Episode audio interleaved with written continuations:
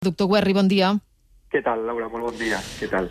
A veure, eh, amb les dades que tenim ara mateix, podem dir que s'ha superat ja el pic de la cinquena onada o, o encara estem dalt de tot d'aquesta pujada?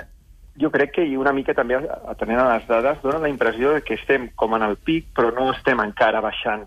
I, per tant, es fa com una fase de, de plató, no? una fase més estable en, en aquests nivells, el que, el que implica que jo crec que estarem tensionats encara un, uns dies més. Mm. Dies o setmanes? No, no, aviam.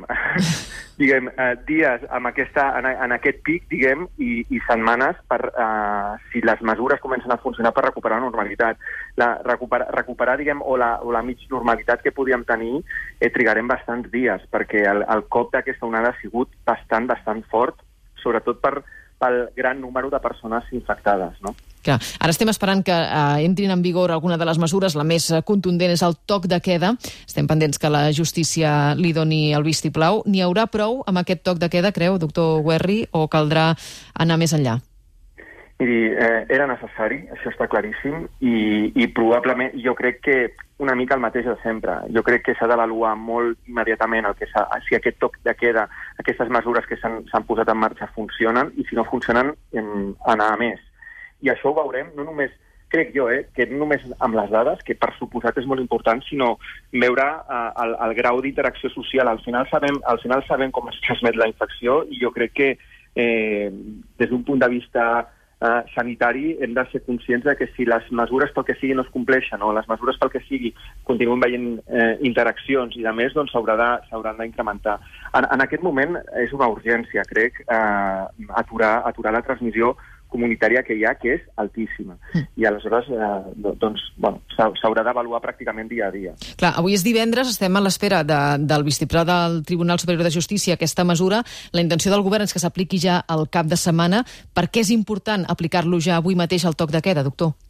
Miri, quan abans comencem eh, amb, amb mesures restrictives i, per tant, a, a disminuir el número de contagis, perquè al final és, és l'objectiu d'això. Això no és eh, complicar la vida a ningú, sinó que l'objectiu d'això és eh, disminuir el número d'interaccions i disminuir el número d'infeccions perquè el virus deixi de circular. Quan abans ho fem, eh, abans començarem a sortir d'això. Mentre estiguem eh, encara en gran nivell d'interaccions amb un virus circulant en aquesta taxa d'incidència, eh, el número d'infeccions continuarà sent molt gran i continuarem eh, tenint gran número d'infeccions. És que és, és un, és un, diguem, és un, és un problema que, que al final ens afecta tot i repercuteix de forma molt significativa a l'assistència sanitària. Mm.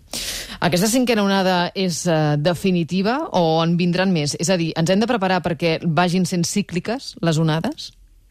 Miri, uh, hi ha una cosa que jo crec que és definitiva, que és que la vacuna realment eh, ha, ha canviat el perfil radicalment d'aquesta onada.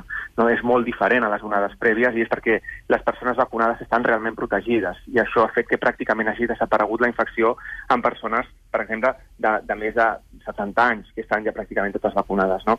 Per tant, eh, l'objectiu primer de tot és aconseguir que mm, la vacunació s'estengui a, tots els, a tots els rangs d'edat. A partir d'allà, eh, el virus no desapareixerà.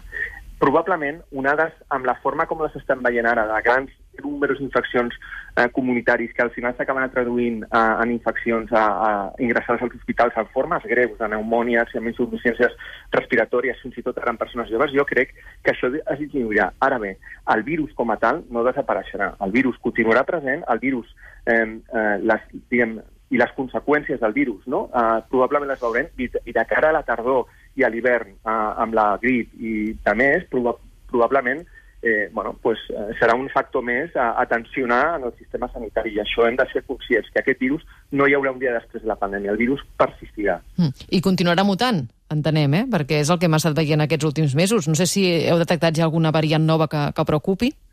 Miri, el risc de mutació i el risc de que, sobretot, apareguin variants noves que puguin escapar a l'efecte de les vacunes, per exemple, eh, s'incrementa moltíssim quan hi ha gran transmissió. Per tant, un dels, un dels, un dels problemes que tenim i un dels, de les pors que tenim és que en, aquesta, en aquest context en el que hi ha tantíssima transmissió comunitària i tantíssimes persones que s'estan posant malaltes, és problema per les persones, òbviament, per l'atenció del sistema sanitari també, però també pel fet de que estem pressionant el virus i el virus pot trobar maneres d'escapar fins i tot a les persones vacunades.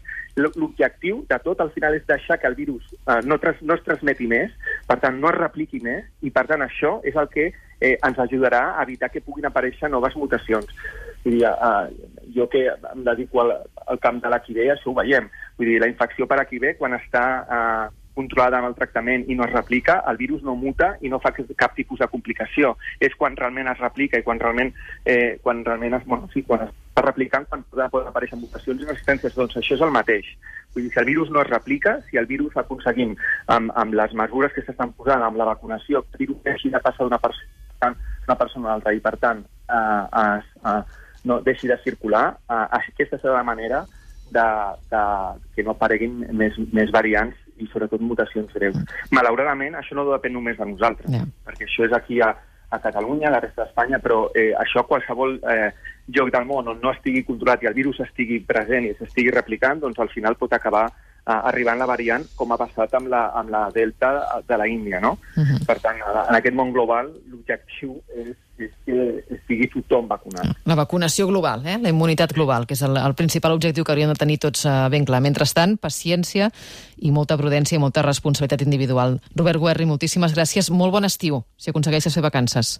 Eh, moltíssimes gràcies, Laura, igualment. Gràcies per tot. Eh? Gràcies, gràcies, bon dia.